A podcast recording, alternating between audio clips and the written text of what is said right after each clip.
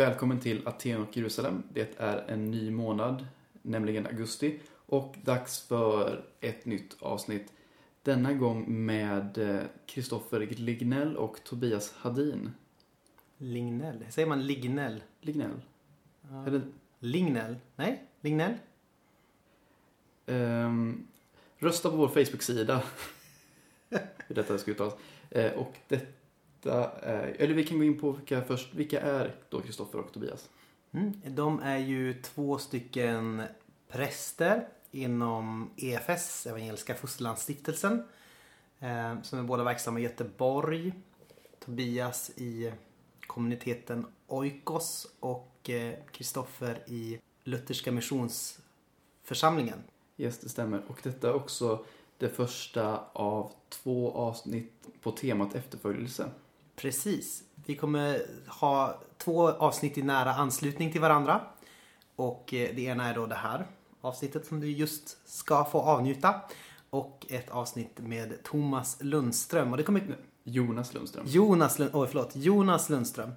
Och det kommer kretsa lite grann kring kanske efterföljelse, vad det innebär och vad det innebär i relation till kyrkan skulle jag säga. Exakt.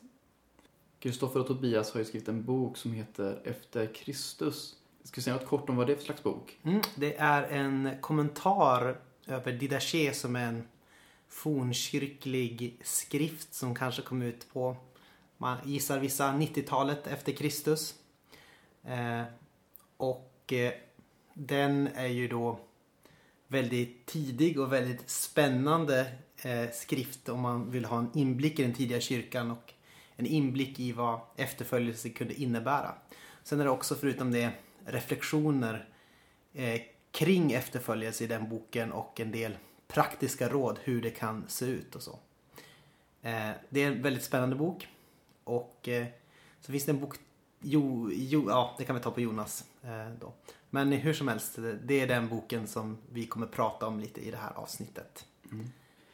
Inte nog med det, det kommer ju, vi kommer också skicka med som en liten, som en liten bilaga till avsnittet. Ja. Så har du skrivit en text Anton. Precis, jag har skrivit en text som man då kan hitta i avsnittsbeskrivningen eller i där du hittar lite information om det här avsnittet. Exempelvis eh, Twitter eller Facebook. Och det är en liten, en liten jämförelse kan man säga mellan de här, den här boken som vi just pratade om, Efter Kristus och Jonas Lundströms bok Jesus eller kyrkan. Och det kommer vara en liten titt på hur synen på kyrkohistoria påverkar eh, efterföljelsens innehåll. Om man är väldigt intresserad av det, kanske någon där ute som är, så kan man kolla på den lilla bilagan. Är de ändå här? Ja, precis. Eh, vi kommer inte ha så mycket extra lullull det här avsnittet tror jag. Alltså, vi kommer inte prata så mycket utan det, nu är det väldigt mycket det här samtalet som är i fokus. Yes, så vi sätter igång direkt med vårt samtal med Kristoffer Lignell och Thomas Hadin. Bra!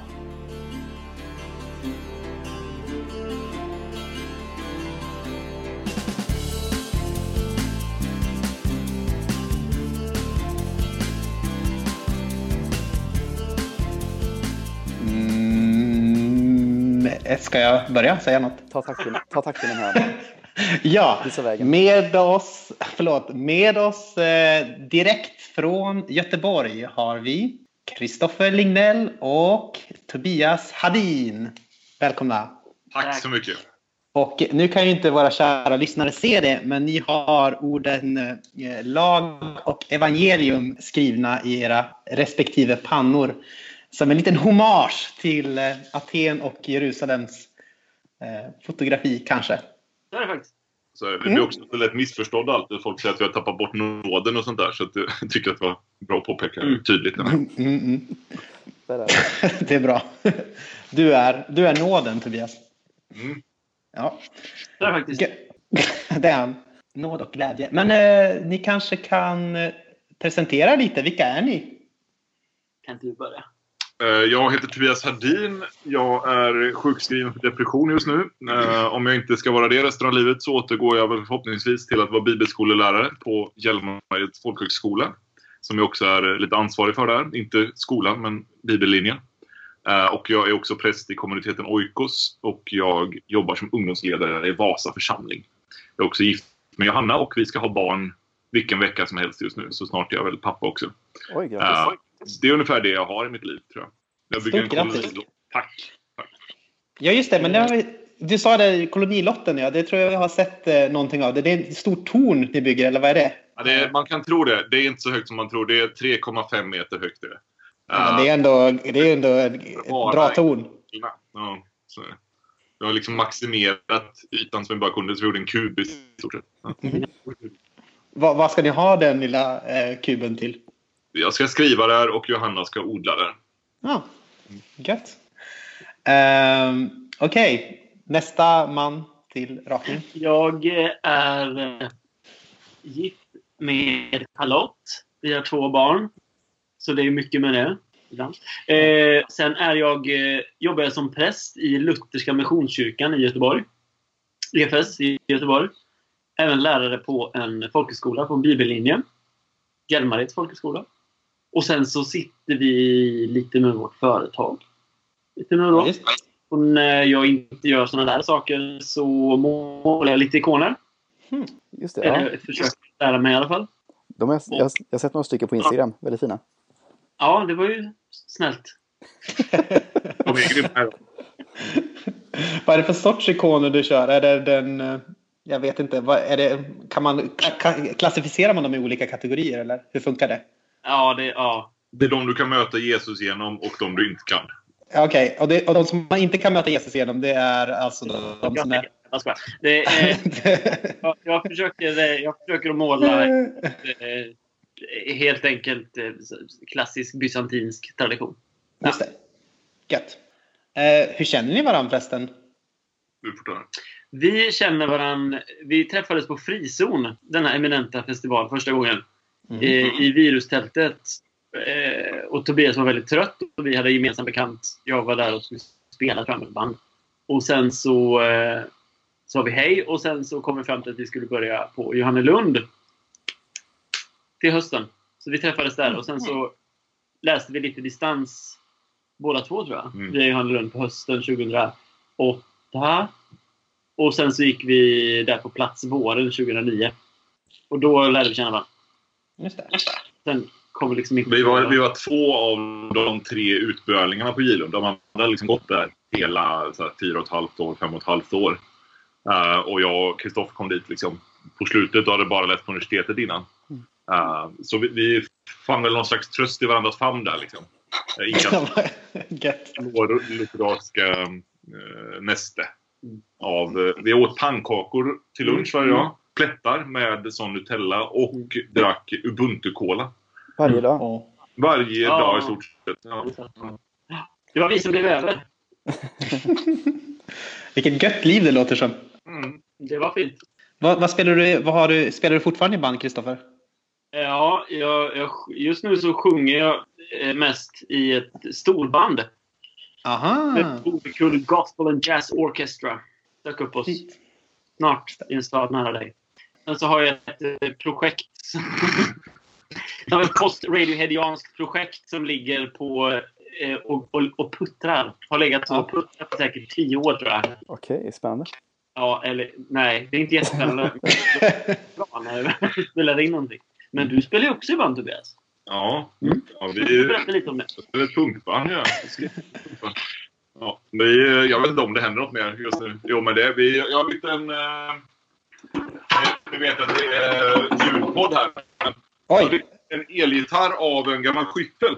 Oj! Det är supersnyggt. Ska jag försöka beskriva den här nu? Det är en, helt enkelt en skyffel som ni har dratt. Är det, jag ser, är det, hur många strängar är det på den?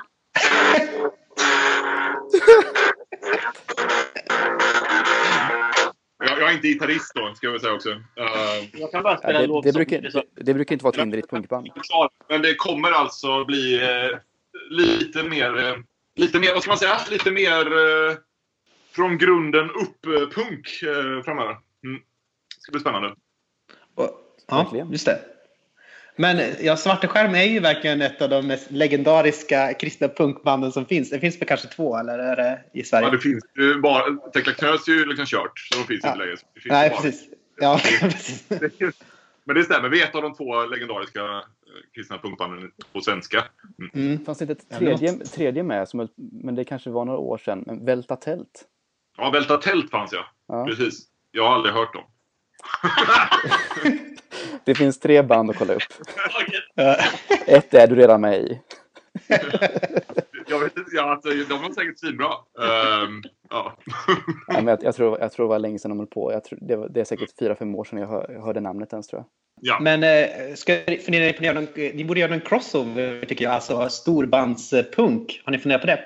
Mm. Det Ja, faktiskt. Ja, Jag försöker, Ja. alltså, Kristoffer spelar med Samuel Ljungblad ibland. Jag tänkte jag skulle få med Samuel på projekt. Jag hoppade liksom över Kristoffer och plockade Samuel. och då, då vill jag att Samuel så här, han ska inte sjunga något, han ska bara han ska spela percussion eller något. Liksom. Så man bara kan skriva att han är med liksom, på låten. Bara, Men vad gjorde han? Ah, han spelade percussion. Han var där. Han var där, Han var i studion. Jag hade en sån Handklapp kanske man kan göra. Ja, men jag hade en sån kompis, ett av mina första band i tonåren, och han, spelade, han fick vara med och spela ägg när vi spelade live. Han fick det Han var så... skön, eller? Vad sa du? Han var skön. Han var rolig att ha med. Ja, verkligen. Och, fram, och han hade körkort. Ja, exakt. Där har vi det. Vi, vi hade en på vinkelslip i, i Svartsjöns barndom eh, som spelade vinkelslip på scen. En gång så höll han på nästan att skära av med fingret på scen. Vi rör oss ganska mycket när vi spelar. Ehm, så det var sista gången vi hade vinkelslipen med. Oj, Det var- det, det, det tillför ett väldigt spänningsmoment också i, I scenshowen. Ja. som eh, saknas lite i rocken. Det blev en, det blev en nerv, ja. Mm. Det, det är det man vill åt. Ska vi gå vidare här Anton? Ja, det ska vi försöka göra. Vi ska prata om er bok som ni har skrivit tillsammans, eh, Efter Kristus. Eh, Kan ni berätta lite kort vad det är för bok och hur den kom till? Det är en bok som börjar med att jag upptäcker, eh, på nytt ska man säga, den, den urtid, ur, urtidiga kristna skriften Didache. Uh, och den sitter i akademin och sådär, eller man som jag då läste till präst. Och, och, men jag hade liksom aldrig läst hela skriften och så kom jag över den av någon anledning när jag hade tråkigt. Och bara, det här är ju ashäftigt. Uh, vad är det här liksom? Det är så mycket mer än bara en, en, liksom, en tidig källa för en nattvardsordning. Det är liksom en, en, en kyrkmanual på något sätt. Så jag nördade in mig på den där och tyckte att det här måste man ju göra något med. Uh, Men jag kan, jag failar grekiskan uh, när jag pluggade. Så jag ringde Kristoffer som inte failar grekiskan och sa vi borde göra en, en nyöversättning av den här och göra ett projekt kring den. men då, jag hade körkort då. Ja. Lite så. Eh, och då hade vi en idé att vi skulle göra en, en slags kommentar då till Didache. Uh, men med tiden så växte det här till någon slags uh, sammanblandning av det som hade rört sig i oss också teologiskt den sista tiden. Och märkte att det fanns så mycket kopplingar däremellan. Uh, både vår, vår egna så här, hur, hur vi kämpat med vår kyrkosyn, med vårt lärjungaskap och de här grejerna. Och det, det blev liksom som en, en samtalspartner uh, mer än bara en ren historisk kommentar. Då. Uh, och då valde vi att liksom göra, göra den här boken som sen blev Efter Kristus. Då. Som är ju mer en, en slags blandning av en, en kommentar och, och en teologisk eh, diskussionsbok. Ja. Mm. Och den enda kommentar som finns på svenska om Didache. Åh. Det är så pass till och med. Ja, så de, det är så vi säljer våra fem exemplar. Varje gång universitetet ska skriva en uppsats om Didache så måste de liksom Skit sätt också! Vad är det här för skit? Säger han. måste läsa den här sabla svenska boken som inte har något med att göra. Eh, bara för att litteraturlyssna. Ja, det, Gött. det kommer åt dem. Down in the pocket. Japp. Ja. Jag tänkte på en sak, en liten trivial sak. Att ni har en påfågel på er framsida, eh, eller på framsidan av boken. Mm. Eh, Varför det? Jag har den här också. Ja, där har vi den. Det är samma påfågel. På din, eh, din vad heter det, hand... hand. Eh, nej, men det är en gammal tidig kristen symbol för, för Jesus. Eller egentligen är det en, en symbol i romarriket och, och Grek, Gre- Grekland för odödlighet som de tidiga kristna tar över för att peka på Kristus. Eh, för det fanns legender om att, att påfågens kött inte ruttnade. Eh, I alla fall inte så fort då. Eh, och därför kunde man vara en slags symbol för odödlighet. Men de kristna såg också en symbolik att när påfågeln får sina första fjädrar så är de fulare än de andra fjädrarna som kommer efter att de har fallit av de första fjädrarna. Alltså någonting dör och uppstår i härlighet. Då. Så de tidiga kristna använder den lite som symbol i, i katakomberna och annat. Så vi tyckte den var snygg. Okej, Just det. kul. Och man kan ju tänka också att eh, Didache handlar ju om livets väg och dödens väg. Och då kanske en påfågel är en bra livssymbol. Det blir bra. Den, den var med. Den var, den var med. Jag, jag, jag ger er den, den förklaringen. Varsågod. Tack, tack. Skriver du upp den? Jag skriver upp den. Mm. Absolut. Jag kan lyssna sen. Eh, Ni är båda verksamma i EFS som ni just berättade. Och därför tänker jag också att, eh, att eh, diskussion kring vad nåd är för någonting är ganska centralt i er bok. Ehm, Så vad är nåd och hur skiljer det sig från mer här ett juridiskt frikännande som man kanske ofta presenterar nåd som? Vill du inleda då? Ja, absolut. Vad är nåd? Det är ju alltså så här kortfattat. Vi har fuckat upp det mesta vi har tagit oss för eh, som människor. Ehm, och ibland fuckar inte vi upp saker, men andra har fuckat upp någonting som resulterar i att vi eh, har ett uppfuckat liv ändå. Ehm, det finns någon amerikansk författare som, som har valt att ersätta ordet synd med eh, the tendency to make people fuck up or, eller något sånt där. Jag vet inte. Jag tycker det var ganska bra. Eh, nej, men alltså, vi, vi lyckas inte särskilt bra med vår, våra egna liv och ta hand om den här planeten och de liven vi lever. Uh, det är väl synden på något sätt. Vi har, har valt att, att tillbe det skapade istället för skaparen. och Såna här grejer. Uh, och nåden är att det finns en kraft, uh, en människa, en, en gud som inte låter oss sitta fast i den skiten utan vi tar oss därifrån och, och rensa upp i både konsekvenserna av det vi har gjort men också i den möjliga framtiden. Eh, och gör det trots oss eh, och ibland med oss. Och det är nåden. Eh, och utan att kräva något som helst tillbaka. Just det. Och då med oss är ju då att nåd är någonting som man kliver in i också. Lite mer än bara någonting som swishar in i ens liv och swishar ut igen. Eller? Ja, precis. Det är, någon, det, är, det, är ju, det är ju Guds... Alltså det är ju ande. Alltså Gud kommer och bor i oss. Det är ju nåden liksom. Mm. Eh, och, och sen när Gud är där så eh, arbetar Gud med oss. Eh, ibland trots mig själv, så att säga. Eh, men säger också Elof, eh, ska du inte hänga på här? Mm. Eh, och jag får säga ja till den grejen. Ja. Och då kan jag ju samarbeta med nåden. Men nåden kommer ju alltid först. Alltså, Gud har ju alltid gjort allt. Liksom. Det är bara jag som kan säga ja, jag hänger också på. Det finns ju sådana här gamla uttryck som är nådens mark. Jag vet inte om det finns någon lovsånger om den. Man går på något. Det var någon som, eh, som förklarade det bra. Det, så tänker jag också väldigt mycket. Alltså nåden är... Det, det är som en grundförutsättning. Liksom. Det är det, den marken vi går på. Eh, men vi är också inbjudna att vandra där någonstans. Mm. Alltså, och nåden... eh, söndags var temat kyrkåret nådens gåvor. Ja, precis. En, en gåva som man ger av nåd. Som när, jag ger mina barn lego liksom. Så är det en gåva av nåd. De har banne mig inte förtjänat det. Inte den här veckan i alla fall. Mm. Men, eh, men alla andra veckor är fantastiska. Mm. Men, men jag vill då är att de öppnar och bygger lego med mig. Det är ju det som är grejen. Inte att de säger åh tack så mycket. Wow, vilken grej. En- Ett legopaket. Men, men bygg upp skiten nu så vi kan leka med det. Ja. Det blir inte mindre nåd för att de använder det de Nej, precis. Nej. Utan snarare tanke med det. Ja. Ja, men pappa, vi vill, bara för att inte vi ska riskera att medverka till den här nåden så vill vi att du bygger ihop Ja. eh, Star Wars-skeppet åt oss. Det gör jag gärna. Ja, Men- det gör men- du gärna. Gud är lite Ja, precis. osjälvisk än dig. Precis.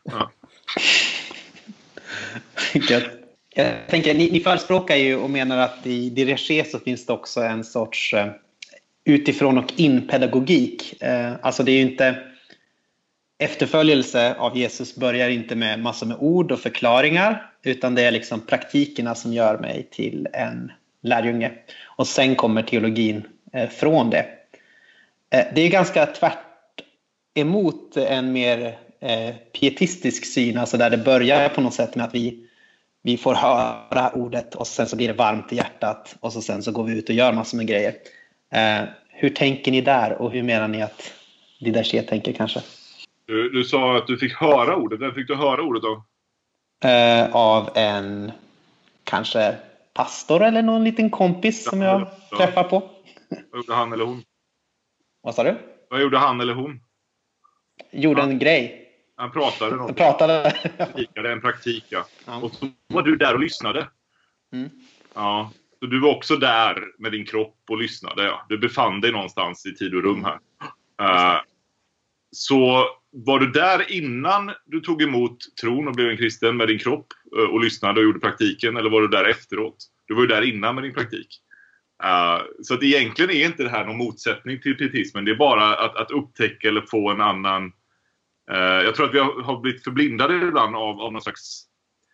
Är pietismen vi ställer oss emot utan någon slags eh, syn på mänskligheten som att det först är tänkande eh, varelser istället för människor eh, och djur som rör sig omkring i den här världen och känner och tar på och gör saker.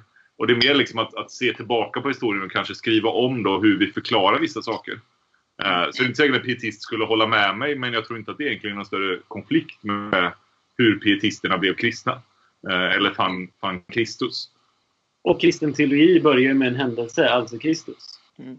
När Gud gör någonting, Kristus föds, handlar, verkar, lever, dör, försonar världen och, och detta bjuds människor in att följa denna Kristus. Och i det så gör man sen teologi.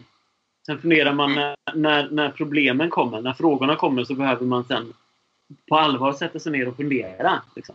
Apostlagärningarna 15 till exempel. Det, det, det kommer ett problem och då måste man sätta sig ner och så att säga teologisera över vad är det vi har varit med om. Det är ju egentligen det evangelierna och breven gör också. Vad, vad hände? Det, bara, det sa pang och så hände någonting. Så finns det absolut en förkunskap och sådär men det, det, är ju, det är verkligen en händelse som kristen tro både börjar med och vilar på. Och, och så är det också för oss kristna. Liksom. Min, min tro vilar på mitt dop. Nu kommer en fru hem. Min. Gravid. Eh, och Det, det, det, det är ju det tron vilar på. Mitt dop. Att jag får vara döpt. Det är en historisk händelse. Som bygger på eh, att vi firar gudstjänst varje söndag. Det bygger på en historisk händelse. Inte en teologi om en historisk händelse. Utan att vi tror att någon uppstod en söndag. I, Och, och det här eh, alltså det felaktiga ordet mötet då som i pietistiska eh, sammanhang eh, handlar om gudstjänst, vilket man inte vill säga av någon konstig anledning. Eh, det är ju en av de viktigaste praktikerna i pietismen. Alltså man går på mötet, väckelsemötet och befinner sig där och utan det så, så finns ju inte pietismen. Eh, pietismen är ju inte först och främst en lära som Visst, den sprids i böcker och sådana grejer, men det är mötet som håller den igång. Det är den här rörelsen av, av olika tältmöten och sådana grejer som, som får pietismen att vara en, en kraft i kyrkan. Uh, så det är ju en, en väldigt praktisk rörelse egentligen. Så jag tror inte det är just pietismen vi, vi kanske krockar med eh, på det praktiska planet. Men kanske på det teoretiska planet. Alltså det som, som vissa pietister kanske skulle säga att de eh, menar. Eh, men inte vad de gör. Alltså jag menar, de lever inte eh, de lever ut sin teologi på ett sätt som inte finns någon krock med, med hur, hur vi eh, beskriver det i Didache. Då. Men teoretiskt skulle man kunna hitta olika eh, ordvrängerier där man hinner hitta krockar här. Liksom. En sån där skulle skulle kunna vara då att nej, men, eh, vi, vi får höra ordet eh, och ordet eh, eh ska ha sin verkan i oss. Och helt plötsligt så älskar jag mina fiender bara för att få höra ordet eh, till många söndagar i, i rad. Då. Eh, och så tror vi inte att det funkar. Eh, däremot så tror jag kanske att, att, att få höra att vi ska älska våra fiender är en bra uppmaning. För den kanske sätter igång någonting i mig. Eh, men vi har missat det här andra steget som vi då tror att Lilla Ske kan hjälpa oss med i, i pedagogiken. Här. Alltså vad, vad gör vi när vi har fått budet eller uppmaningen att älska våra fiender? Eh, pietismen kanske till viss del lämnade människan eh, med uppmaningen och sa eh, följ Jesus. Eh, och så hjälpte de oss inte att se vilka steg vi ska göra på måndag, eller tisdag eller onsdag. Eh, hur följer jag Jesus där? Hur lyckas jag med det här? Utan istället så blev det alltid den här kampen mellan att jag, jag antingen lyckas följa Jesus redan för att jag är så pass god som jag är på vissa områden. Eh, eller så misslyckas jag och då är det en, en, eh, ett tillfälle för mig att bekänna min synd. Eh, och det är de två grejerna det kristna livet handlar om. men, men det tror jag inte rimmar så väl med hur vi tänker och rör oss i världen som kristna. Eh, eller som människor överhuvudtaget. Utan vi lever alltid med de här uppmaningarna och med vår reflektion eh, och vill vidare. Eh, och om kristendomen inte har någonting att erbjuda där så lämnas ju hela vardagen, Eh, hela världen därhän. Då handlar det bara om, om en inre process där jag ska antingen säga ja till ett visst antal påståenden eller få en viss upplevelse. Eh, men, men livet, vardagen, spelar ingen roll. Eh, utan det är den här den inre processen som spelar roll. Och då blir kristendomen helt plötsligt en ateistisk religion. Alltså världen betyder ingenting. Det är liksom sant att, att det här världsliga är bara en illusion, det är inte bra. Liksom. Medan då tror jag att om vi istället tar på allvar hur kyrkan har fungerat och även pietismen fungerade eh, så skulle vi säga att nej, nej, så det stämmer ju inte. Mötet var jätteviktigt och engagemanget i att koka kaffe för dem och sätta upp tältpelarna och, och ge alla pengar till, till eh, EFS. Eh, det är ju det som har hållit ordet igång, det som har spridit evangelium. Så i praktiken så tror jag inte att, att vi skulle krocka så himla mycket, men, men om vi bara vränga på det teoretiskt så kan det finnas vissa krockar. Om man, om man tar det här med utifrån och in då, och så sen så tänker vi kanske kring nattvard. Eh, vad den här grejen som kommer utifrån, då, bröd och vin, eh, vad, är det, vad, kan det för något, vad kan det förändra? Eh, hur kan det förändra mig på insidan eller hur kan det förändra eh, hur jag ser på saker eller så? Jag tror både, både på det Peter säger, att vi får del av gudomlig natur. Mm. Eh, jag tror att någonting faktiskt i vår natur kan, kan också förändras som, som människor. Mm. Eh, och sen så är ju det också en praktik där vi övar oss. Vi övar oss i att tillbe Gud som den goda givaren. Vi övar oss i att se att det bröd och det som kommer ifrån Gud, och det är ju allt vi har, räcker till. Alla får del av det här brödet. Vi, vi, vi tar så att säga lagom, vilket jag har hört att det kommer ifrån någon vikingagrej, att man, tog, man skulle ta så att det räckte laget om. Mm. Det är bra för att säga sant. Det är så bra. Det är därför lagen kommer. Nej, men det, det, alltså, Gud är en Gud som ser till att det räcker åt alla.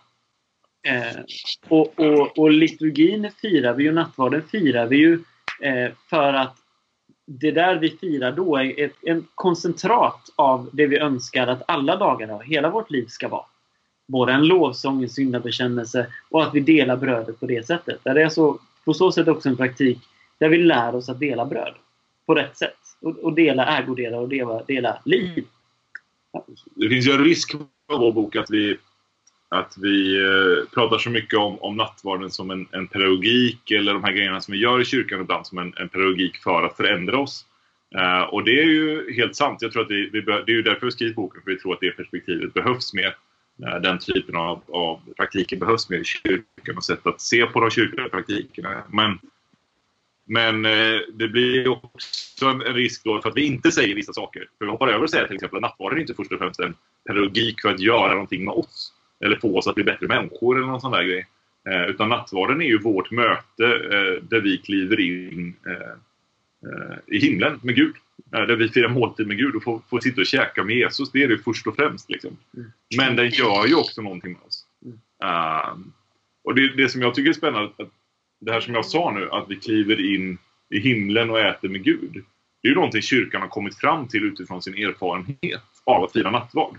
Det började inte med att man sa låt oss hitta på en, en ritual eh, som kan få oss att känna att vi är i himlen hos Gud. Vilket kanske många väckelsemöten idag eh, försöker göra. Eh, utan istället så började det med att Jesus sa att vi skulle bryta det här brödet och dela den här bägaren. Vad då för? Varför då? Och så fick man försöka säga, vadå? Vad är det som händer när vi gör detta? Eh, och så fick man erfara vissa saker. Eh, och så hade man vissa ledtrådar såklart i Jesu undervisning om det. Eh, men det börjar i eh, att vi gör en sak och sen så kommer teologin som reflektion utifrån erfarenheten att vi har gjort det här. Mm. Och, och, det tror jag är viktigt att, att det, det, är inte så att nattvarden är viktig för att den gör någonting med oss. Eh, eller för att den eh, får oss att förstå en, en, en gudomlig sanning som vi annars inte skulle kunna förstå eller något sånt där. Utan den är viktig för att det är just en måltid med Jesus. Uh, det, punkt. Liksom. Det är därför den är viktig. Sen för att vi är med Jesus och käkar med Jesus så händer det en, en hundratals, tusentals, massa andra saker med oss. Eh, både yttre och inre. Då. Eh, men jag kan inte ge dig tiopunktslista hur det kan förändra vårt inre liv. Eh, Du får gå till Brian McLaren eller något och skriva pedagogiska böcker. Och, och, men, det, men, det, sätter också punkt på en, en eh, fingret på en väldigt spännande sak. Än en gång, alltså lärjungaskapet där i till exempel att kyrkan har firat nattvard har ju handlat om att kyrkan har gjort som Jesus sagt att de ska göra. Alltså de, än en gång, de har inte teoretiserat över. Jesus teoretiserar heller inte över. Han säger, vad är det Jesus lämnar efter sig? Ingen skrift. I alla fall. Han har skrivit det själv. Han lämnar en gemenskap och en måltid. Och säger när ni gör det här. Gör så här. och så gör de det, precis som Tobias säger. Och ur det så kommer en reflektion sen. Va, vad är det vi är med om? Vad är det som händer här nu? Det är också jättespännande. Än en gång, lärjungaskapet börjar i att de hör Jesus säga det. De är med om, de inbjuds av Jesus själv att göra detta. Och börjar att göra det. Mm. Ja. Apropå Didache eh, så menar ni att det, det följer en kristen novis utveckling från att vara lite intresserad av tron eh, till dopet. Hur, hur tänker ni att man kan se det i, i Didache som, som skrift?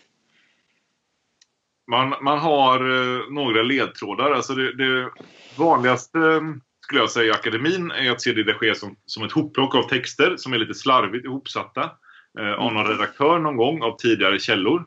Uh, och så försöker man analysera vilka källor de här kunde varit och vad de här källorna betydde i sitt ursprungssammanhang. Och så funderar man inte jättemycket över vad, vad, varför den här redaktören har satt ihop det på det sätt som han eller hon har gjort. Eh, och oavsett om det är tidigare källor eller originalmaterial, vilket inte vi tar ställning till, uh, för det går inte, eh, helt enkelt, så, så tycker vi det är mer spännande att se, nu har vi den här texten. Någon gång i kyrkans historia så användes den här texten så som den är. På vilket sätt då? Och då kan vi finna vissa ledtrådar som, som pekar åt att den då användes i träningen av en novis. Eh, I att, att på något sätt få någon slags då, eh, dåtida alfapraktikkurs i den kristna tron. Eh, och senare erbjudandet om att ja, men vill du också fortsätta på den väg du har slagit in på. vilket då blir dopet här i den tidiga kyrkan. Ehm, och det kan man bland annat se på att, att språket ändras. I de första sex kapitlen så är det du-form. Och sen så är det dopet i kapitel 6 och 7, där det handlar om dopet. Och därefter så står det i ni-form. Eh, alltså i plural. Så det börjar med en individ som uppmanas och slutar i en gemenskap som uppmanas. Eh, och det är dopet som är övergången däremellan. Um, så, så det är en av ledtrådarna. Men det är också texten i sig själv säger ju rakt ut. Alltså sedan du har hört all denna undervisning uh, så ska ni döpa den i Fader, Sonen hela Andes namn. Bla, bla. Ja. bla, bla, bla. Precis. Det slutar ju i ett, eh, i ett ni då, eh, boken. Um, eller Didache. Och då kan man ju fundera på vad är kyrkans roll när det kommer till att följa Jesus? Jag vet inte om det var en bra fråga, men hur som helst. Kyrkans roll är att följa Jesus. Kyrkans roll är att försöka följa Jesus och inbjuda andra att göra det. Samma. Mm. Tänker jag är grunden för kyrkan. Mm. Sen så har vi i historien en massa erfarenheter och sätt att göra det på. Som mm. ibland har varit bra och ibland har varit mindre bra. Och många av de som har varit mindre bra har helt enkelt slutat göra. Så då behöver vi inte göra det.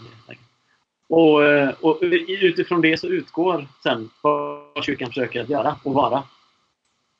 Efterföljare av Kristus och vara trogna Kristus. Jag funderar på det. Kan kyrkan misslyckas så mycket med att följa Jesus att det blir mer ett hinder för efterföljelse än en väg eh, till efterföljelse?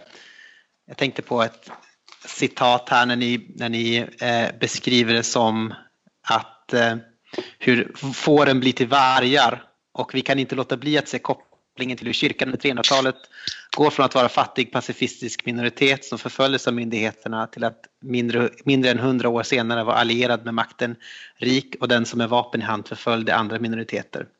Jesusrörelsen går att pervertera den också. Mm. Uh, ja, jag skulle säga så här. Uh, det, om vi säger nej på den frågan så uh, underkänner vi människors ytterst eh, tydliga erfarenheter av en, en förtryckande kyrka genom historien och idag. Uh, så på individnivå och, och i, i nedslag, alltså specifika nedslag i våran historia, i världens historia, så, så gör kyrkan det hela tiden skulle jag säga. Uh, mm. Kyrkan är inte ren någon gång. Har aldrig varit helt ren. Eh, det, det, finns inte ett stort fall som, som det ibland låter, uh, som det låter när jag och Kristoffer beskriver 300-talets skiftningar där. Uh, och det är sant att det, man kan prata om det som ett, ett väldigt viktigt uh, de hundra åren som en väldigt viktig vändningspunkt för kyrkan. Men det är inte det att den innan det var en ren, god lärjungaskaps fantastiskt bara yeah, vi följer Jesus 100% kyrka. Och sen bara fuck you Jesus, vi vill ha pengar istället. uh, det är inte det vi menar. Utan kyrkan är alltid fallen. Men den är också alltid upprättad. För kyrkan är inte först och främst på jorden. Uh, utan kyrkan är, om vi nu får, får flumma iväg då lite. Mm, gärna. sammanfattningen av kyrkan. Alltså, i himlen finns kyrkan som den en gång kommer vara.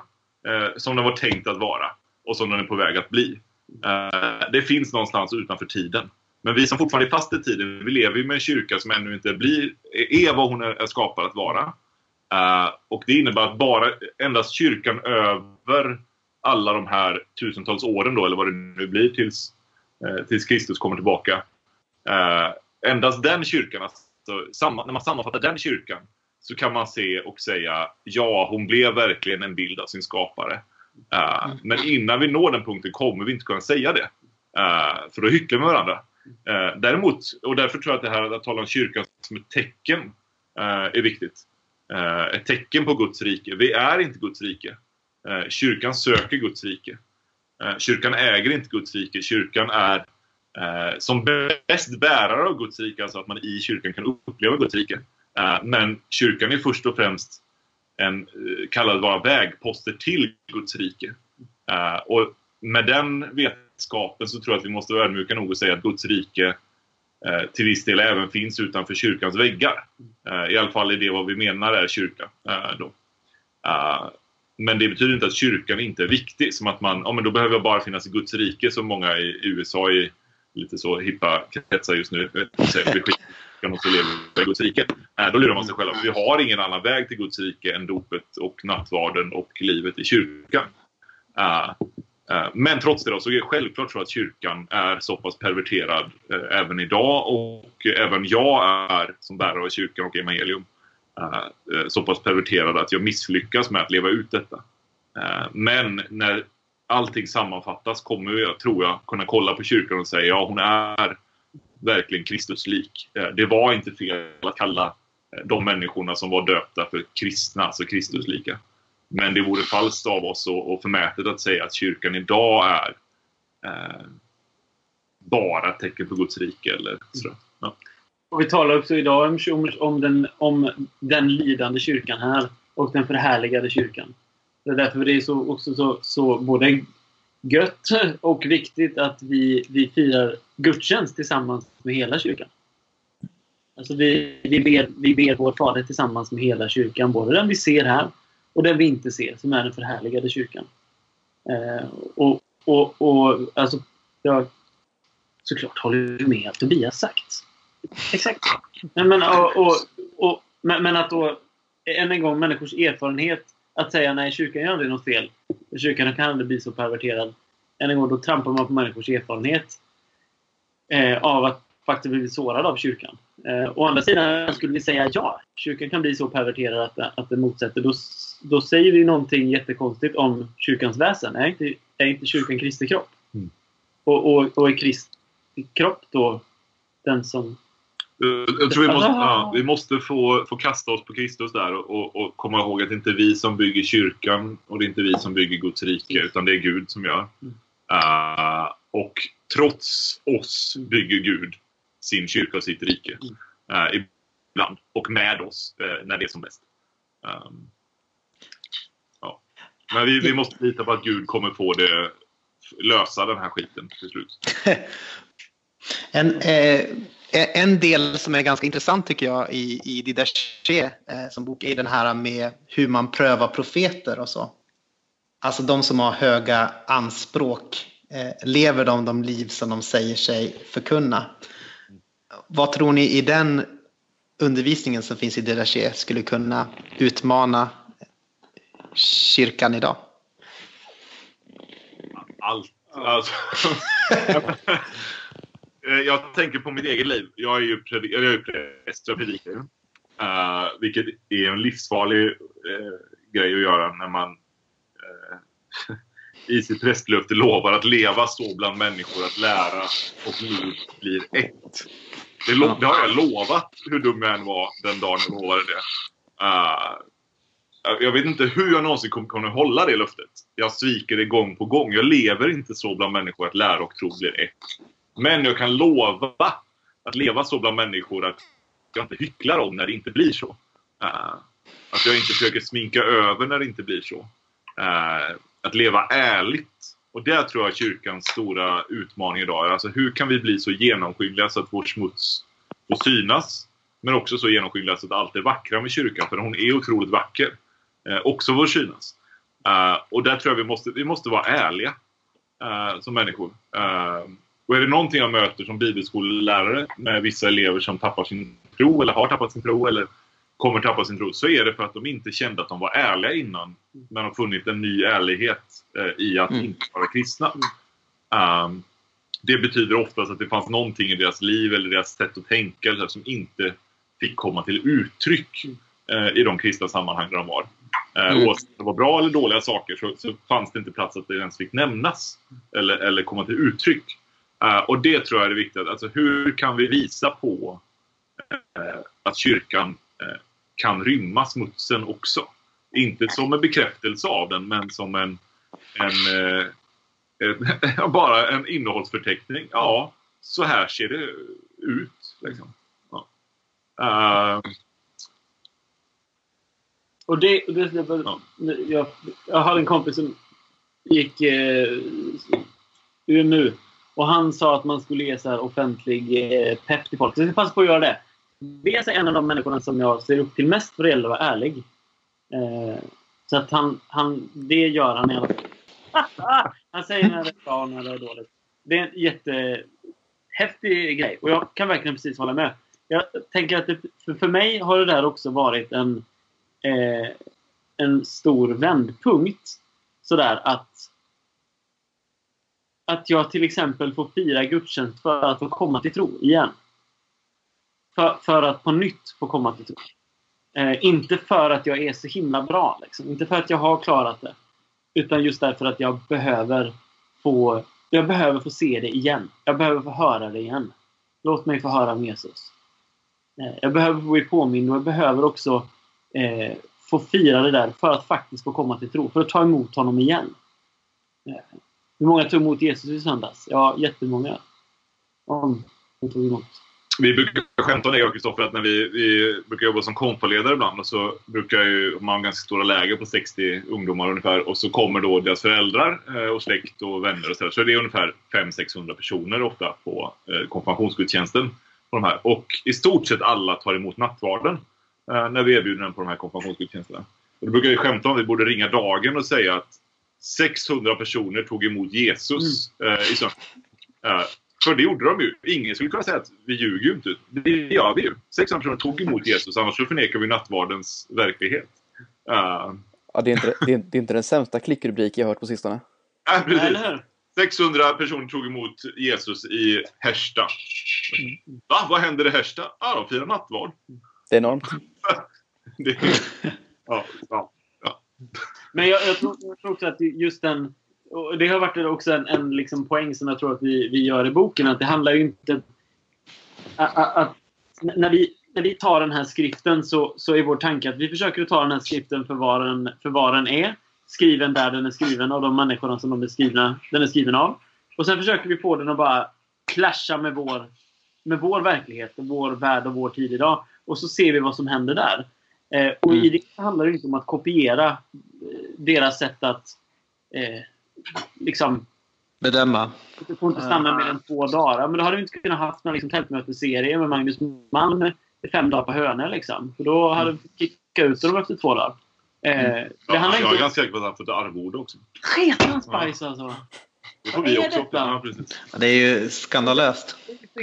Vad är, det, vad, är det man får, vad är det man får ta emot enligt Didache om man är profet? Man får ta emot mat. räcker fram till nästa destination. Precis. Alltså, ja, just det. dagliga bröd får du ta emot.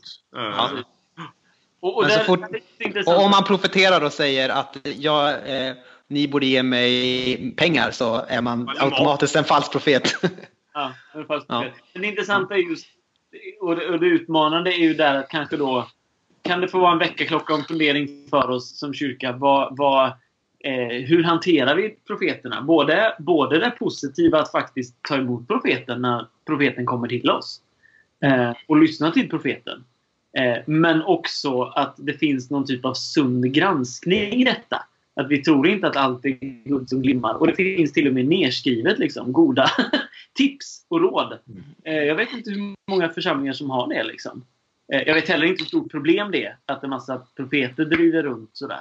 Men det finns ju en del folk i alla fall som driver runt i våra församlingar. Kanske lite både och. Vissa har helt stängt Ja, dörren precis, för profeterna. precis. Andra, andra har, helt, har vidöppna gavlar för alla profeter. Precis, och där, där kan vi båda få utmanas av, Ja. av Didache som både lever i en verklighet där det är självklart att vi kan komma förbi en profet och säga något Mm. fräckt, liksom, eller svårt eller utmanande. Och typ sådär. Ja, Mm. Det är spännande det, just det, Dida chef, att den är så, så kärv att det är nästan man blir nästan, tappar nästan andan ibland. Eh, Mm. Så, så det är spännande, spännande bok. Den är så artig är den ju inte. Nej, det kan man ju inte säga. men det fantastiska dock är ju fortfarande 6-2. När de har gått igenom allt detta som är väldigt, väldigt kärvt. Mm. Om livet och dödens väg. Så står det precis innan dopet. Om du kan bära hela Herrens ok når du ditt mål. Om du inte kan det, gör då så gott du kan. Mm. Det är ganska Det gött. Det är, klockrent. det är liksom pedagogiken i ett, i ett nötskal. Här presenterar vi verkligen. Och det är ju precis som du säger, det finns ju inte så många liksom, det, det är inte så mycket gråzoner sådär. Det är mycket så här, gör så här, det här är död, det här är liv. Och många gånger får svårt att erkänna att ja, så är det ju faktiskt. Det där ger inte liv i världen eller i mitt liv. Men samtidigt, strax innan dopet, gör så gott du kan. Och nu ska jag lära hela ord, gör så gott du kan. Nu kör vi. Och det, det är väl lite grann det här som eh, Bonhoeffer kallar eh, dyr nåd. Då. Alltså inte att det kommer som någon sorts ursäkt för att vi lever våra eh, glada, eh, lättjefulla borgerliga liv. Utan att eh, just det när vi, när vi inte kan bära hela Herrens ok. Det är då vi inser vad nåd är för någonting kanske. Och därför Eh, behöver vi en syndabekännelse på söndagarna. Eh, för att få, få påminnas om detta. Och, och det, är ju det här med ärligheten. Alltså, eh, gör så gott du kan. Och för mig som, som, eh, som kämpar mycket med, med olika sätt. Att, att å ena sidan vara en lat människa, för det är jag. Å andra sidan så är jag en, en, eh, en människa som presterar och har massa projekt på gång och, och gör hur mycket saker som helst. Eh, att, så här, att, att göra så gott jag kan hjäl- befriar mig från båda de här grejerna. Eh, om jag tar den frågan på allvar och ärligt försöker svara på den, eh, oftast med lite hjälp, eh, så kan jag hitta en väg framåt där jag inte pressar mig för hårt. Eh, för att jag har någon som säger åt mig att jag borde vara duktig eller för att jag själv längtar så mycket eller vill så mycket. Eller sådär. Men också en röst som hjälper mig upp i soffan eh, när jag är lat. Vissa gånger när jag ligger och kollar på Netflix så är det för att jag faktiskt behöver det. Eh, jag får kolla på Netflix nu. Jag kan inte göra något annat. Eh, andra gånger så är det Men Elof, du kan göra något annat än det här. Och, och det är den här hjälpen jag tror, den här ärligheten jag tror från Didache och, och när jag pratar om ärlighet som, som jag tror vi behöver hitta i kyrkan. Alltså hur, hur ser våra liv egentligen ut? Uh, får min ateism plats i kyrkan? Jag, är inte, jag är inte troende varje dag eller varenda sekund. Liksom. Kan, jag, Mm. kan den få plats i kyrkan? Kan kyrkan bära min ateism och min otro? Uh, jag måste tro på det. Uh, och, och det är inte min tro, återigen det här kommer vi också tillbaka till boken, det är inte min tro som, som spelar roll utan det är kyrkans tro. Uh, och det är den jag blir en del av, det är den jag säger ja till när jag blir en kristen. Jag säger inte ja till min formulerade tro utan till kyrkans tro. Uh, och det är den som lovar att bära. Uh, Och jag pratade med en, en eh, vän om detta igår, skillnaden mellan, som har varit jättestor för mig. I, i arbetet, inte minst i arbetet med Didache, alltså skillnaden mellan vad jag borde göra och vad jag kan göra. Alltså att jag har varit väldigt bra på att ställa mig frågan, vad, vad borde jag göra? Jag borde göra skitmycket. Alltså jag borde, jag borde göra mycket, mycket mer än vad jag gör. Jag borde skänka mer pengar, jag borde be mer, jag borde kunna min bibel bättre. Och, och det finns en och det är bra grejer oftast. Liksom. Eh, jag har väl suttit också på rätt många och, och säkert hållit många predikningar själv. Där slutpoängen blir vi borde be mer. Vi borde hjälpa fattiga mer. vi borde. Ja. Men för mig så hjäl det hjälper inte mig i slutändan. För det ger mig bara dåligt samvete. Eh, att däremot ställa, ställa mig frågan vad kan jag göra? Eh, kan faktiskt också vara med och befria mig. Eh, och, och än en gång, det hjälper mig att vara ärlig. Om jag, om, om jag ställer frågan vad kan jag göra? Och, och, då kan jag komma fram till jag ska inte, jag, jag ska kolla Netflix. det är det jag kan göra nu. Jag har inte ork för det, någonting annat. Gud, ge mig det i så fall. För jag, jag orkar inte. Jag fixar inte mer än det just nu. Men det kan också just utmana mig. Ja, men jag kan faktiskt be en minut. Jag borde be en timme om dagen. Jag kan be en minut. Då börjar jag där. Och sen får jag fråga Jesus om några veckor igen och låta honom ställa mig frågan. Vad kan vi göra? Och här, och här tror jag Didaches pedagogik och det vi pratar om, det funkar inte på individnivå. Uh, för då blir, det, då blir jag utlämnad till mig själv och mitt eget omdöme här. Utan det funkar bara, skulle jag säga nu utan att ha tänkt igenom det här. Uh, jag tror att det bara funkar om man har en gemenskap och att man är ärlig i den gemenskapen med varandra. för då kan vi bära varandra och man kan utforska de här frågorna tillsammans. Men har jag inte en gemenskap och inte en gemenskap jag kan vara ärlig i. då, tror jag inte, då, då kanske man får hålla fast bara vid sin tro och så får man se vad som händer. För, för jag tror inte att det funkar annars. Då, då blir det fel. För, för det är så tydligt också i dina sken alltså slu, slutet är ni liksom. De, de, mm. Från kapitel eh, 8 till 16 så är det ni. Det, där är grunden och du kommer också in som novis i de första kapitlen och får en, får en, eh, en vägledare, får en mentor. Så det är ett ni där också redan, om än ett, ett mindre ni. Eh, och sen växer det där niet. Och, och, och, ja, än en gång det som vi pratade om innan. Det, det, det viktiga här blir kyrkans tro. Och den får jag ibland stämma in i och ibland får jag säga jag fattar inte. Och jag får till och med komma dit och stämma in i kyrkans tro och säga idag tror jag inte.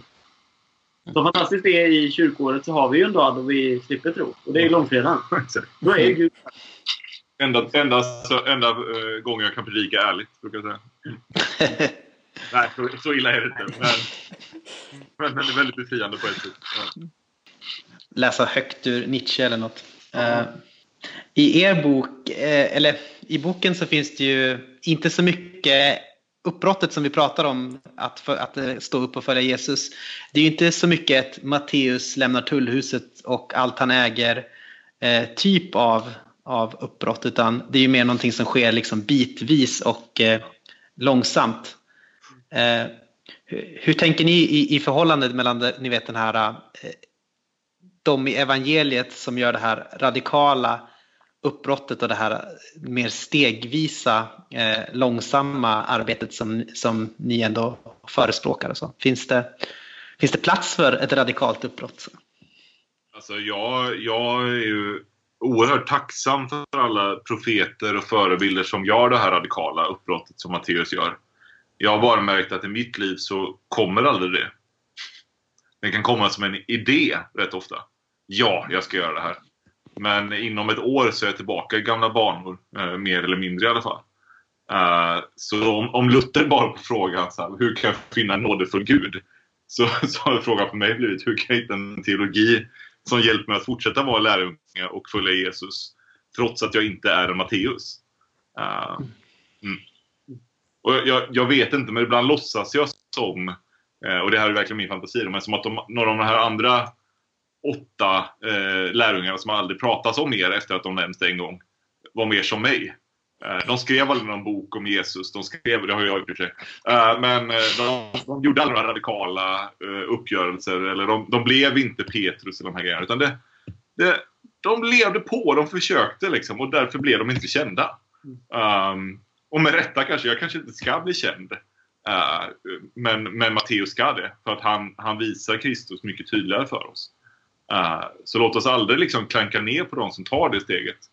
Uh, men låt oss samtidigt försöka hjälpa oss att inte säga bara för att jag inte är Matteus ska jag inte ens försöka. Eh, för då gör vi det för lätt för oss. om vi säger att det finns vissa som är helgon. och sen finns det vi vanliga kristna. Då, då ljuger vi.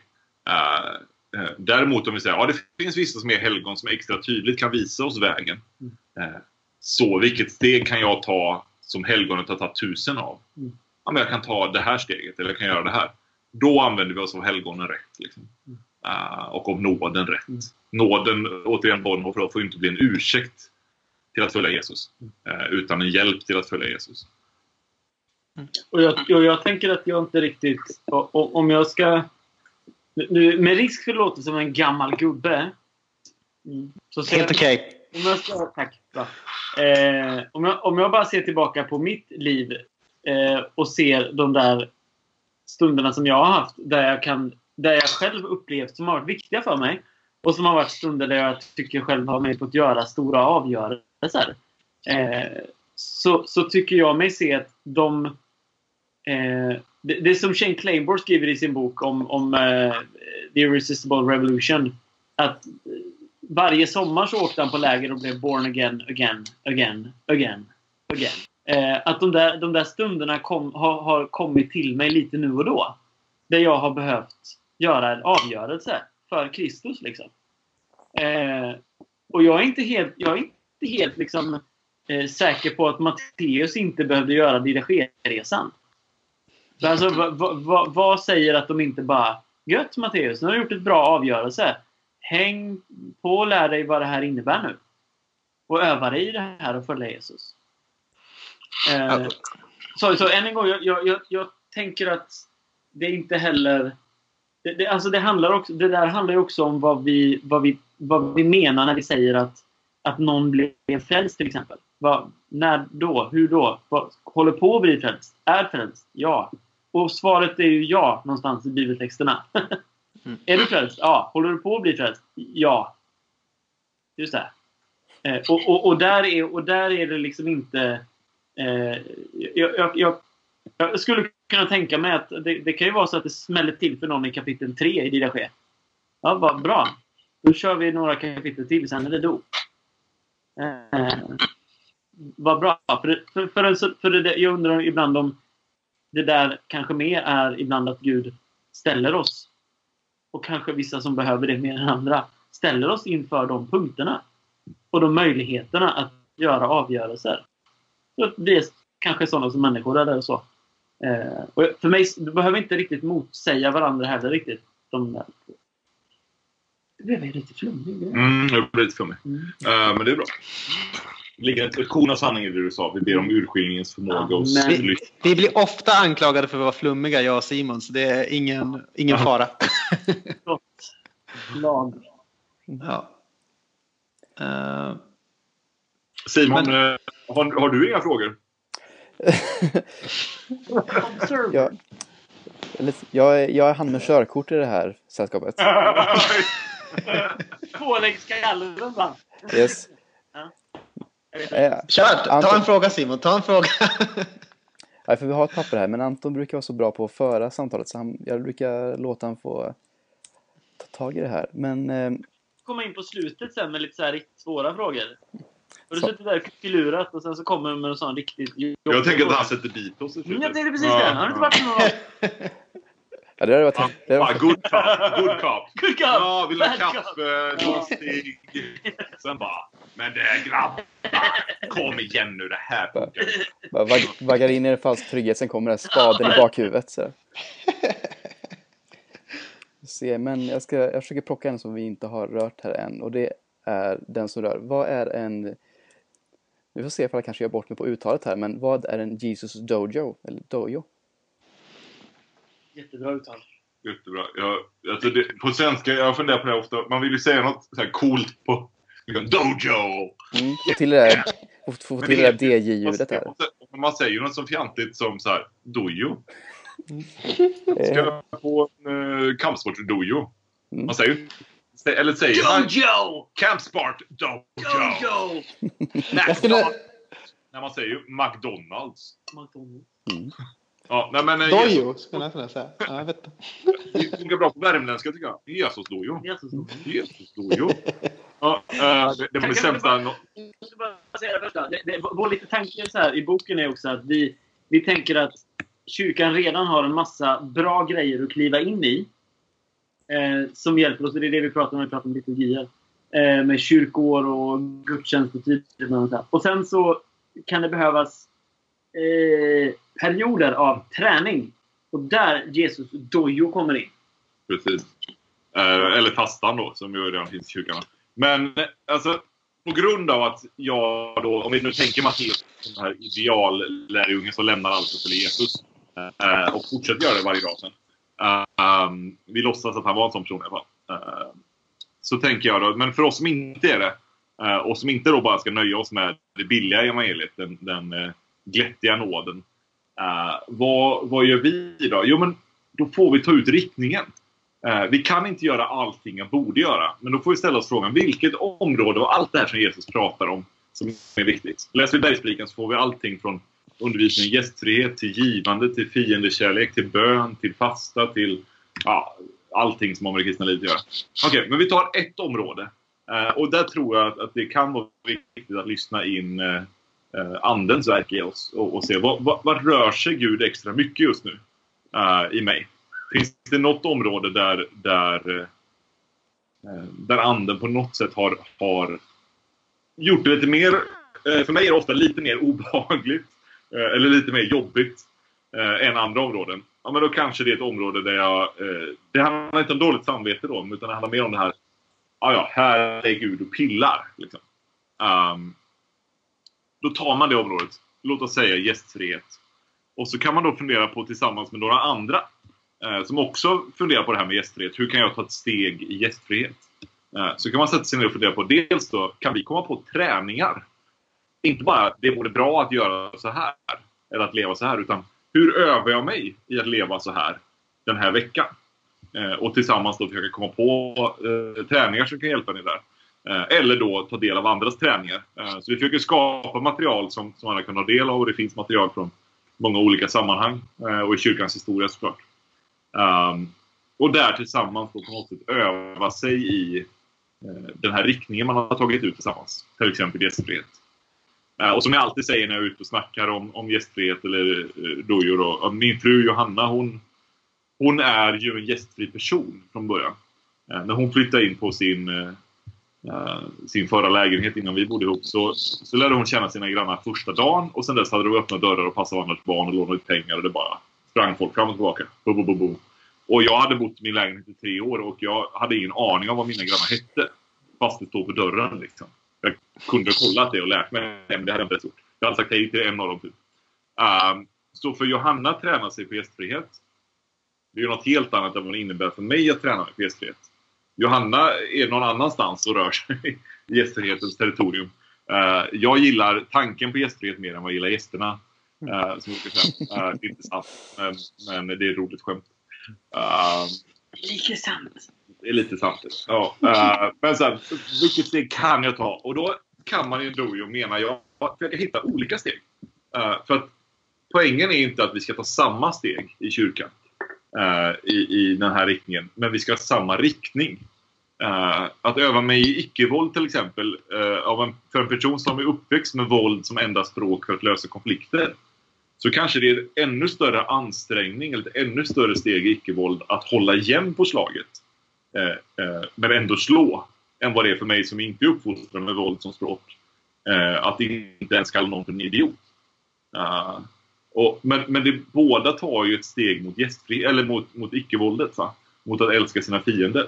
Uh, och det tror jag är viktigt att, att återerövra någonstans. Då. Att, hur kan vi hitta en kyrka som både är tydlig i sin riktning uh, men väldigt ödmjuk uh, mot sina medlemmar, eller sina lemmar, i vilket steg vi kan ta. och hur kan vi hjälpa varandra att ta det? För jag tror också det är viktigt. Att hur kan vi våga bli en kyrka där jag faktiskt lägger mig i min bordsgrannes liv? inte utan inbjudan, men när jag fått inbjudan, hur vågar jag ta den inbjudan? Och, och de där riktningarna är ju alltid en rikt, riktning mot Kristus, tänker jag. Alltså gästfrihet. Så att det inte låter som att det är något så här självhjälpsprogram eh, program, liksom, till att bli en bättre människa i största allmänhet. Nej, alltså att, att bli mer gäst, icke-våldslig eller gästfri är ju att bli mer lik Kristus. Det ska formas, det är det vi har är vårt mål. att formas till, till, till Guds sons avbild. Eh, så att det inte blir liksom bara... Ja, Jag kan tänka mig att man ibland skulle behöva en dojo som är bara har det riktigt gött nu när det är sabbat. mm, Uh, Mm. liksom, dojo. Så här. Nåd, nåd-dojo. Hur, hur vilar jag nåden ännu mer den här veckan? Liksom? Mm. Det är inte heller, alltså, det är inte, poängen är inte att vi ska göra mer hela tiden. Men, men ändå på något sätt säga att det finns goda riktningar. Mm. eh, och ta steg i de riktningarna. Mm. Mm. Mm. Mm, bra. Mycket bra. vad bra att det var bra. Det var bra, bra, bra, bra. Allt är bra. Eh, Ändå kommer vi dö. så sant som det är sagt. Tror jag. Eller? Som Fast sagt, man kan ju alltid... Ja, förlåt.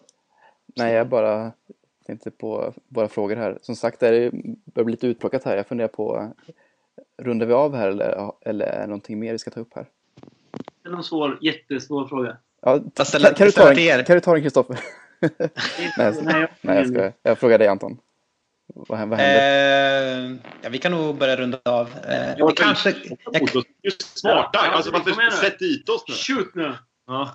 Ja, Alltså jag skulle ju kunna eh, dra någon så här, jag vet inte, man skulle kunna fråga om det här kyrkohistoriska spåret som jag har skrivit om eh, när jag skrev om er. Ja. Men eh, det kanske inte är så himla intressant för att det, man, i så fall så måste man läsa det jag skrev, eh, Ja, tänker jag. Så. Ja, det vill man inte göra. Ja, men jag, jag, jag läste ju det du skrev och jag, jag håller ju med dig. Liksom. Ja.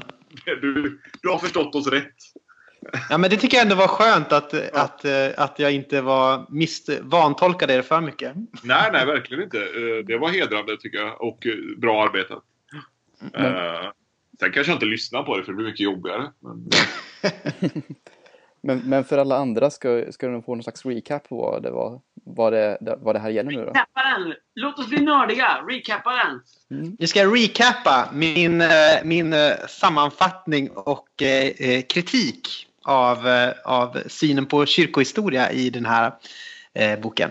Och eh, om man ska säga det kort så ni, har, ni skriver ganska ofta kyrkan med stort K eh, som liksom en, en entitet i historien.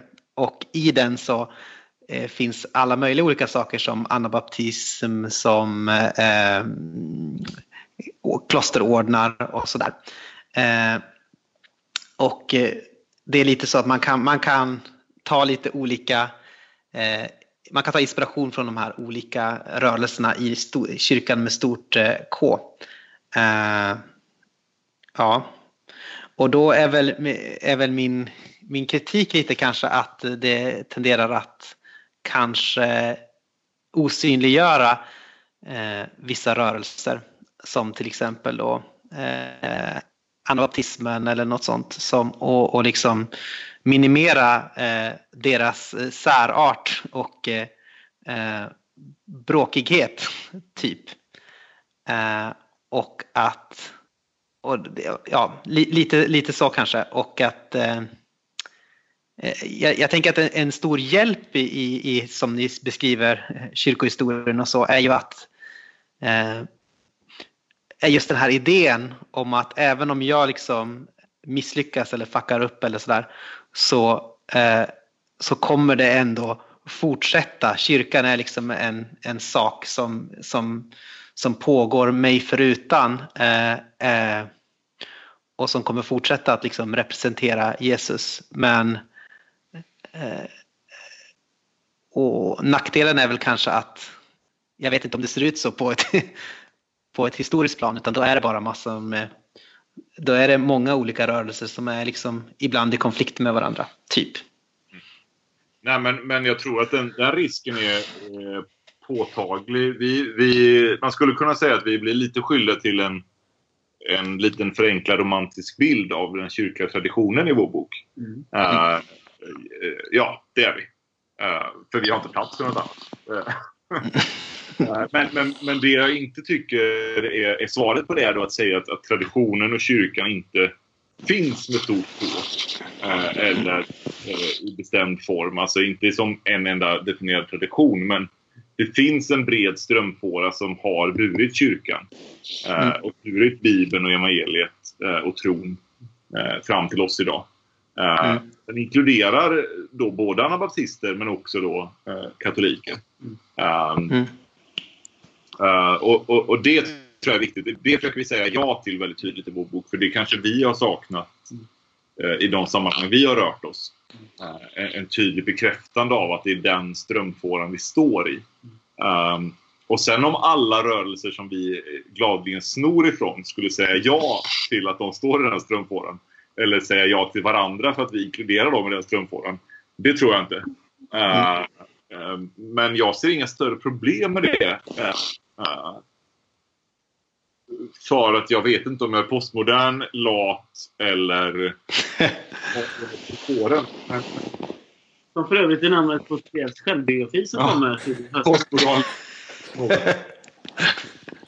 Eh, Varför Gud inte. Tankar om depression. Ja. Eh, nej, eh, den kommer inte än. Den kommer nästa år. Uh, uh, vart var jag? Nu tog du bort det.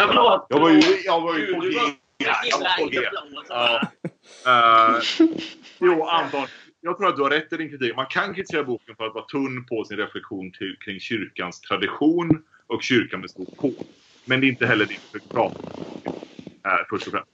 Ehm, men, men jag tror samtidigt att det vi säger om kyrkan eh, är sant. Och bevara mig Gud. Um, ändå. För, för att, för det, det, är ju också ett uttryck för... Det är också ett uttryck för, jag tror, båda våra resor. Liksom. Jag, jag, eh, eh, jag läste på Salt, i Salt när det hette Salt. Det är Inte himla ALT, men vad det är för någonting. Salt ska det vara. Ja, precis. Och Fredrik Venell bland annat, som ju är med i avsnittet Leva av den här podcasten. Mm. Precis. Nummer fem. han, han till frågan så här, ger det mening? Liksom?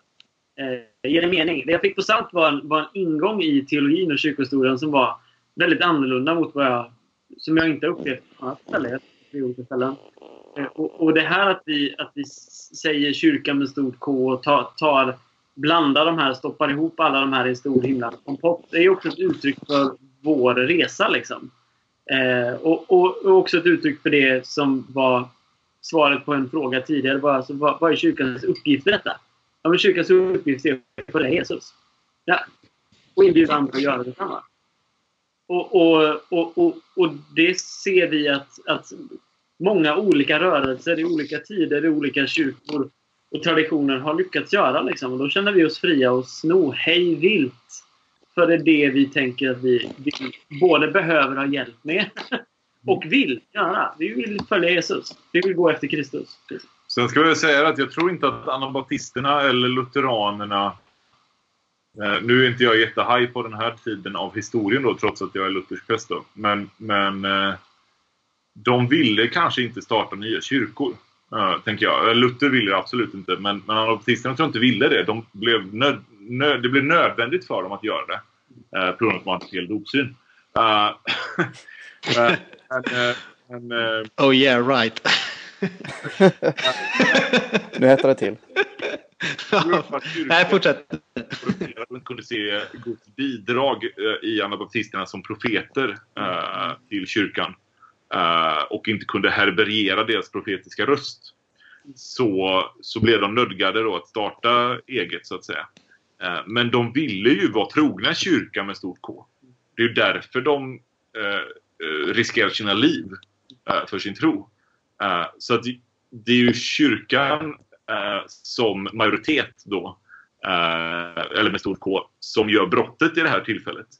Eh, återigen då, så, som misslyckas härbärgera den profetiska rösten, eller profetiska bidraget hos Som inte då är gästfria på Didache-sättet. Ja, det skulle jag, skulle jag kunna säga. Precis. Mm.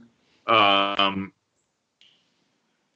och, och jag tror att, att den kyrka med mest makt och plats, om vi ska prata ekumenik då, eh, är också den kyrka som måste betjäna de andra, de små kyrkorna med minst makt, mest. Mm. Eh, och det kan säkert skifta lite från det globala planet till det lokala. Eh, till Mm. exempel här i Sverige är det väldigt ofta Svenska kyrkan som har mest makt. Medan katolska och ortodoxa kyrkorna är, är väldigt, väldigt små. Eh, och mission, missionskyrkan eller Equmeniakyrkan är ganska stor också. Eh, så här kanske det ser annorlunda ut. Medan det på ett, ett, eh, ett globalt plan så är det katolska kyrkan och ortodoxa kyrkan som måste betjäna eh, lutheranerna och, och pingstvännerna mer. Och så där, för att vi ska nå fram till ekumeniken. Um, så jag som lutheran får väl säga förlåt. Eller inte väl, utan det får jag göra till, till baptisterna. Och, och inte kanske vara för grova skämt jämt som säger att de har fel dopsyn. Vilket de har. Utan i, i, i Kristi liv eh, under den här tiden i historien som är otroligt värdefullt. Trots deras eh, felaktiga dop. På, på vilket sätt eh, kan man avgöra det här på bästa sätt? Jag tänker Zwingli och Luther de gick väl mot varandra med två arméer när de skulle avgöra vilken som var bäst, dops, bä- bäst nattvardssyn. Kanske man skulle kunna ha något sånt här...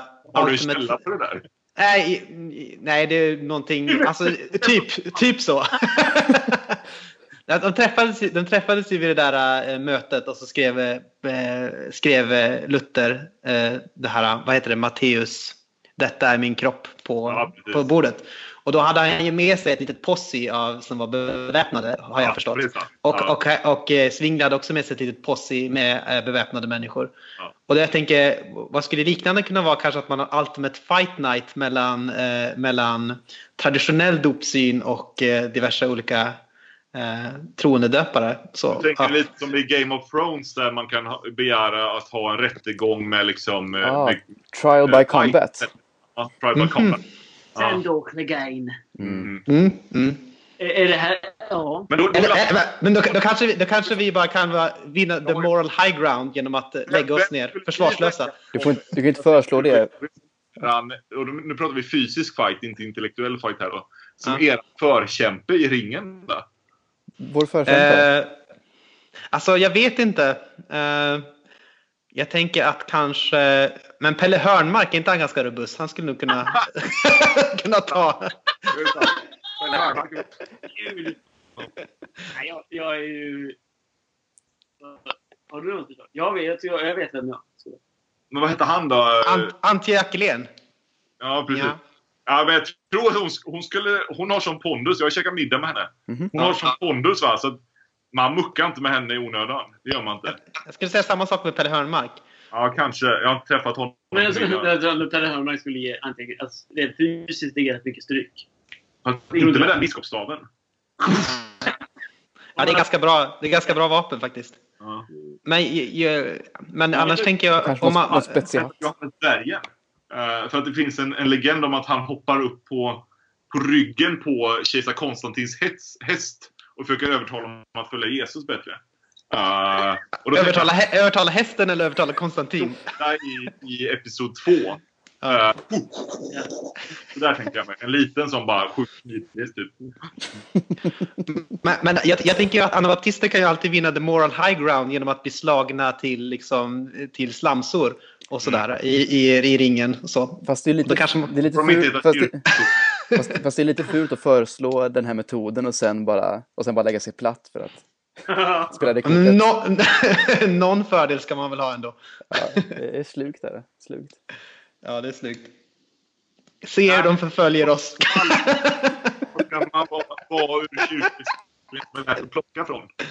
Eh, Har du ett svar? Eller vad ska- Ja, jag har ett svar. Jag har ett svar som inte, inte, är, är, som inte är tillfredsställande. Tiden och Guds ande avgör vilka rörelser som hade rätt Mhm. till slut. Och vad är de rörelserna som, som är värt att bevara? Mm. Mm. Men jag vet inte om det är sant, men jag, jag hoppas det. Det, du, du står fast vid det. Ja, Det är bra. jag slåss för det. Gött.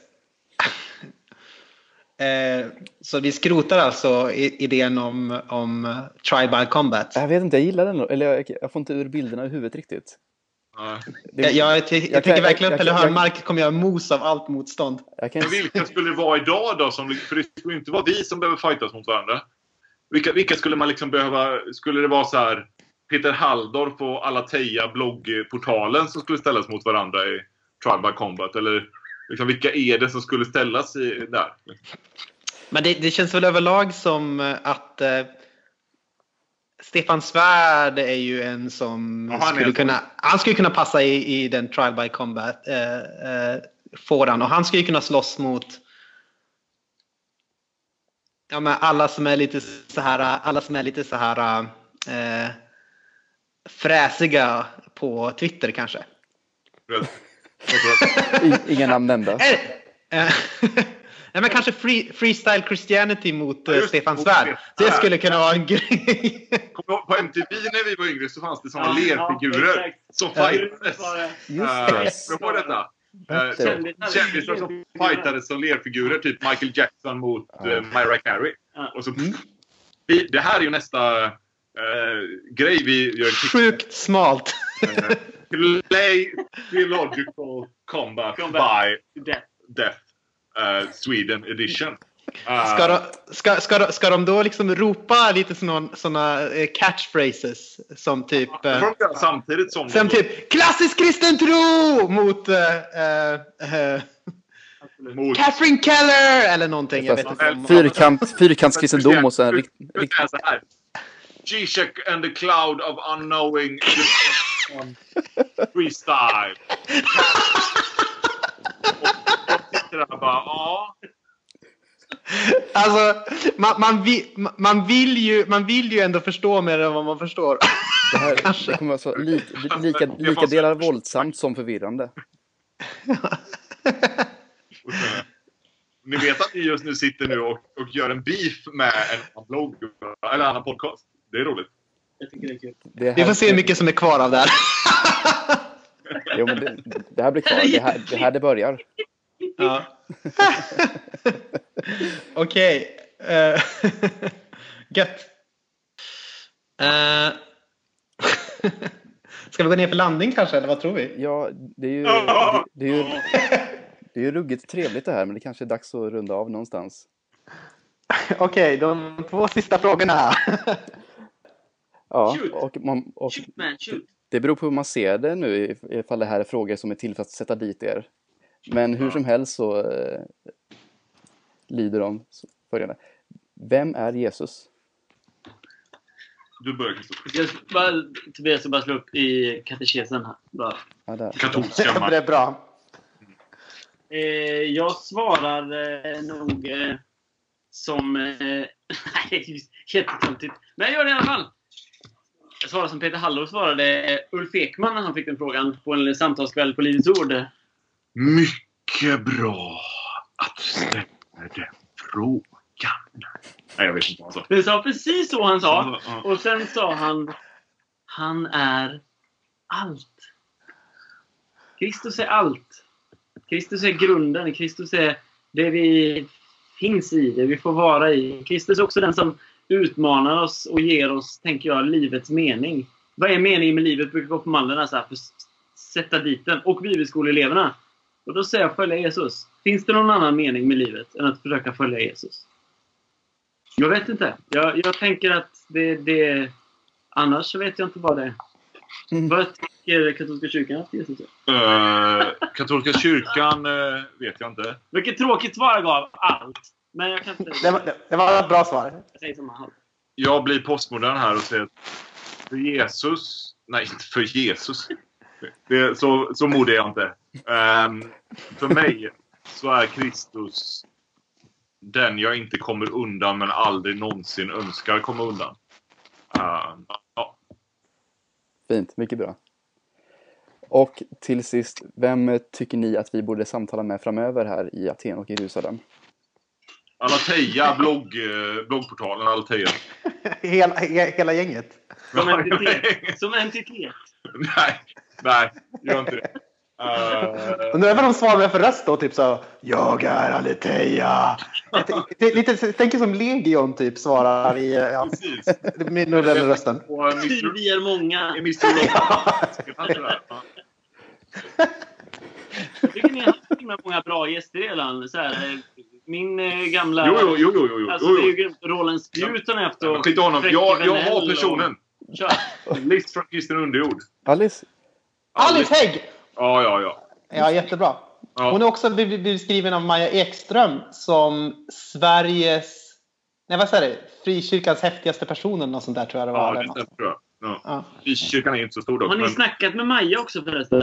Ekström? Ja, det har vi. Ja. Ja, visst var det Ja. Precis, jag tänkte det var någon som ringde i klockan. Jag tror till och med jag hörde det. Hon Nej, är men- så skön. Alice har en förmåga. Eh, jag har hört henne predika två gånger tror jag. Eh, och hon, hon, hon vrider på ord. Eh, och sätter ord eh, på saker med, med en viss substans, eller inte, med precision. Men inte med substans. Jo, med substans, men med precision. Eh, som, som alltid fångar mig. Eh, så det är bra. Jag tycker ni ska snacka med en kille som heter Anders Sjöstedt. Nej, det kommer ju spåra. Det kommer totalt på honom. Men-. Han är präst i Lund. Han, är, han är, hade varit spännande att höra vad han eh, vad intervjuade med. Ha! Han kommer aldrig ställa upp! Anders Sjöstedt, känner jag igen det? Gör man det? Är det något man känner igen? Ja, men jag tycker jag gör... Nej, jag får klura på den. Ja, men fantastiskt. Det, det, det hade faktiskt jag tyckt var var- han är bra. Ja, han är bra. Björn Bäckegren. Björn Bäck. Nej, men Alice röstar jag på. Alice. Bra. Fantastiskt. Eh, jätte, jätteroligt att prata med er. Eh, Detsamma. och Ja. tack så mycket för att ni ville vara med. Ja. Till Göteborg snart så snackar vi mer eh, off the record som man säger. Då får ni höra hur vä- världen verkligen ligger till. Ja. Men eh, Guds fred, eh, så gott. Verkligen. Eh, Gött att snacka med er. Detsamma. ja, tack detsamma. Vi får ses i Göteborg. Ja. Fridens. Ha det fint. Ciao! Adjö.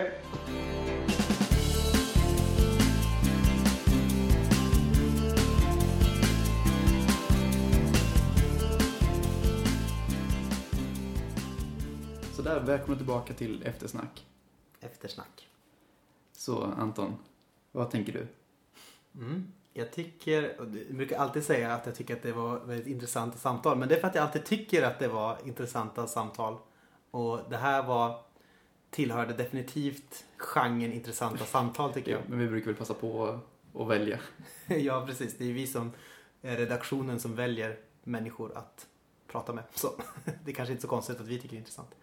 Men hur som helst. Eh, jo, jag tycker att eh, eh, jag tänker lite grann på det här med, med kyrka. Det är ju väldigt intressant. Kyrka och efterföljelse. Mm. Och det är kanske, vad skulle du säga om det i relation till avsnittet som kommer?